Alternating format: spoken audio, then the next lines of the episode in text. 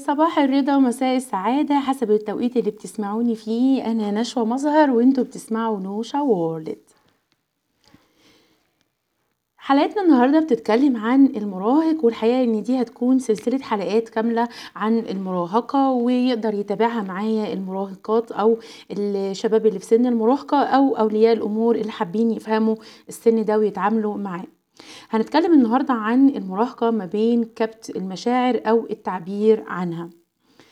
المراهق الحقيقة بيمر ببعض التحديات والمشاكل اللي بتخليه دايما مضطرب في تصرفاته مع أفراد أسرته أو حتى مع المحيط الخارجي زي الناس اللي المدرسة النادي المجتمع عموما اللي حواليه.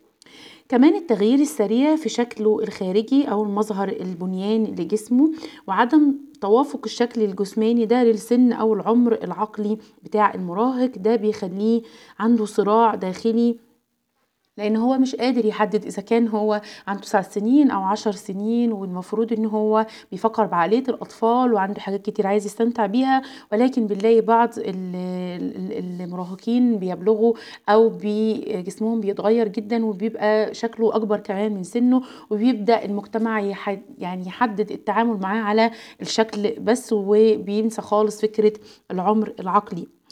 كمان يعني الموضوع الصراع اللي بيحصل ما بين عقله وعمره أو شكله أو في مشاعره بيخليه متمرد دايما وإن هو يعني أغلب الأمور وبعض الأحيان بيبدأ يدخل في مرحلة بتظهر عليه سلوكيات. المفروض إن السلوكيات دي محتاجة مننا توجيه واستيعاب واحتواء. لأنه في الفترة دي متلخبط جدا ومحتاج حتى حد يفهمه أصلا إيه سر لخبطة المشاعر اللي هو بيمر بيها. كمان لازم نساعدهم جدا في التعبير عن مشاعرهم وإن إحنا يخرجوها وأهمية إن هم يخرجوا مشاعرهم وعدم كبتها أو إن هو يعني يتعامل بمشاعره بشكل سري لأن ده هيساعده بشكل كبير جدا في تفكيره وفي طريقة التعامل مع المجتمع اللي حواليه. الطب النفسي بيقول إن إحنا لازم نفهم مشاعر المراهق ونتعامل معاها بشكل صحيح لأن ده بيخلينا ننتج جيل صالح وناجح في حياته وفي مستقبله. و اتكلم عن اختلاف المشاعر في فترة المراهقة. هي بتختلف طبعا ما بين المراهقين. بنلاقي بعض المراهقين بتظهر الرغبة في الانعزال أو الانطواء عن الآخرين وأحيانا بيوصل الموضوع لنوبات اكتئاب لو ما قدرناش ندمج الطفل ده أو البنوتة دي في المجتمع معانا. آه كمان بيبقى يكون في صراع كبير جدا ما بين يكون هو مستقل عن سلطة آه باباه والناس التابعين ليه وإن هو يفرض رأيه وآراءه على الأسرة وإن الأسرة تتقبل ده أو تناقشه في الأفكار اللي بيتكلم بيها. وده بيكون فيه إهمال شديد جدا لفكرة إن هو يفكر في طموحاته وامكانيات اللي ممكن يستعد بيها أو يستغلها في الفترة دي. التعبير عن المشاعر مهم جدا إن أنا أتيح المجال للمراهق أو لابني إني يعبر عن مشاعره واحاسيسه ورغباته حتى لو كانت ضد رغباتي.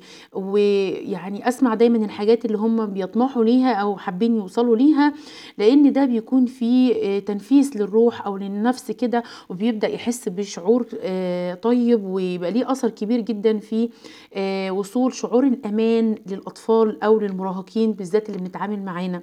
وده بيزود ثقتهم في نفسهم جدا وبيخليهم يشعروا إنهم ليهم قيمة ودور في الحياة.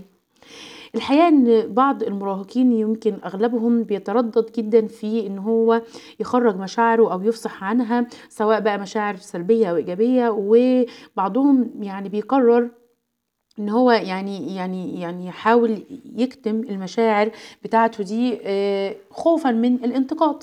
يحاول ينطوي على نفسه والموضوع ده ببعض الأشخاص اللي هي بتنعزل وبتنطوي دي بتكون واخدة قرار خلاص ان مش هتعامل مع الناس تاني وده الحقيقة بيخلي فرص زيادة الاكتئاب في المراهقين بتكون أعلى وبتأثر على فكرة إن هو يكون عنده هدف وإن هو يحقق أحلامه وبالتالي هو بيحاول يهرب لعالم أصدقاء مثلا ممكن ما يكونوش أصدقاء كويسين أو إن إحنا نتمناهم لأولادنا أو إن هو يحاول يملى فراغه بحاجات يعني زي السوشيال ميديا زي الفيديوهات زي فكرة العالم التاني اللي هو مش واقعي العالم الافتراضي اللي هو يحب يعني ينتمي ليه واللي بيشوف إن هو بيسمعه وفاهمه وفاهم طريقة تفكيره.